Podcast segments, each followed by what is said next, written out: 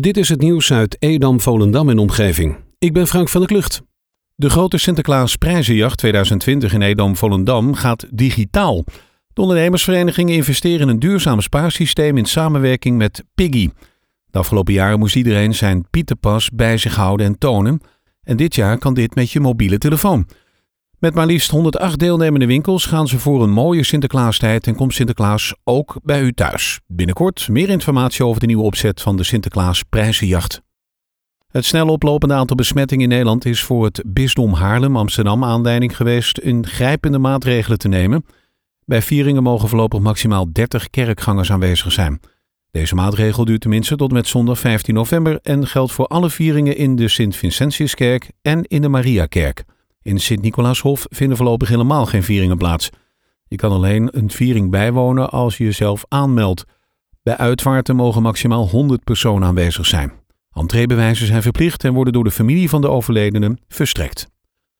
FC Volendam heeft gisteravond de tweede competitiezege op rij geboekt.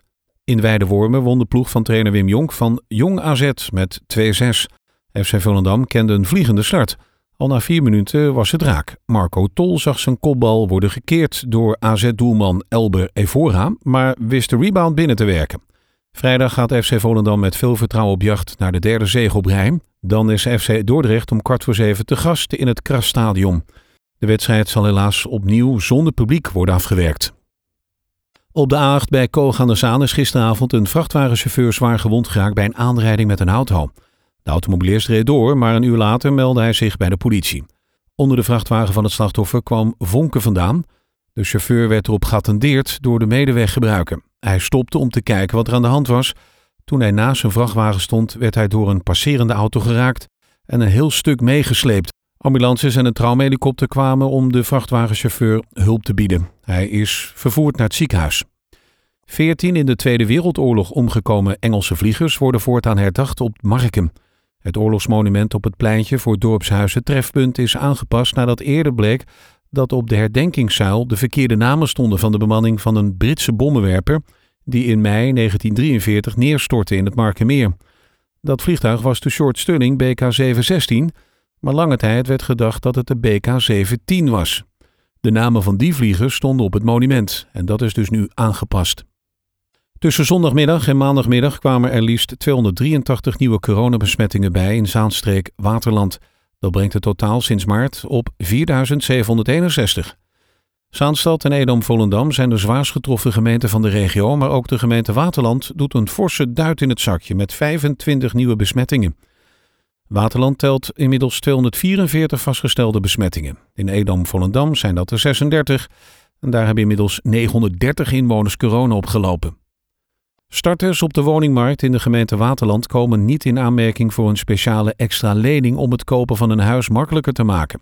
Het college van BNB ziet niets in het verstrekken van dat soort startersleningen waarmee jonge huizenkopers zich extra in de schulden steken. Dat schrijft het Noord-Hollands Dagblad vandaag. Een aantal politieke partijen in de gemeenteraad vindt het voor veel jongeren te moeilijk om een eerste huis te kopen. De hypotheek die ze daarvoor kunnen krijgen bij reguliere banken is niet toereikend. Het college heeft onderzocht wat de mogelijkheden zijn en hoe dat in andere gemeentes geregeld. De conclusie is dat het voor Waterland niet verstandig is om een extra lening te gaan verstrekken. Door de aanhoudende drukte bij de gemeentewerf in Landsmeer is besloten de openingstijden vanaf maandag 26 oktober tijdelijk te verruimen. Op maandag, woensdag en vrijdag kunnen inwoners van Landsmeer er terecht van 9 tot 4 en op zaterdag van 9 tot 12.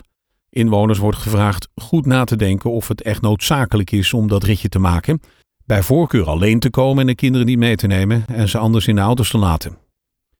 Op dinsdag 27 oktober om 8 uur organiseren Warne Goede en Wouter Traveggio, initiatiefnemers van familiepaviljoen Het Terras op de Breek, een online informatiebijeenkomst over de duurzame horecagelegenheid om de buurtbewoners en andere belangstellenden te informeren. Het paviljoen wordt gerealiseerd op de Kerkenbreek ter hoogte van de ingang van het sportpark aan het einde van de sportlaan. Niet op het land, maar op het water, met uitzicht op het natuurgebied Het Twiskum. Tijdens de voorlichtingsavond zal de architect het ontwerp gaan toelichten. Tevens zullen de opdrachtgevers en de medewerker van de gemeente aanwezig zijn om je vragen te beantwoorden. De offline bijeenkomst begint om 8 uur. Tot zover het nieuws uit Edam, Volendam en omgeving. Meer lokaal nieuws vindt u op de Love Kabelkrant, onze website of in de app.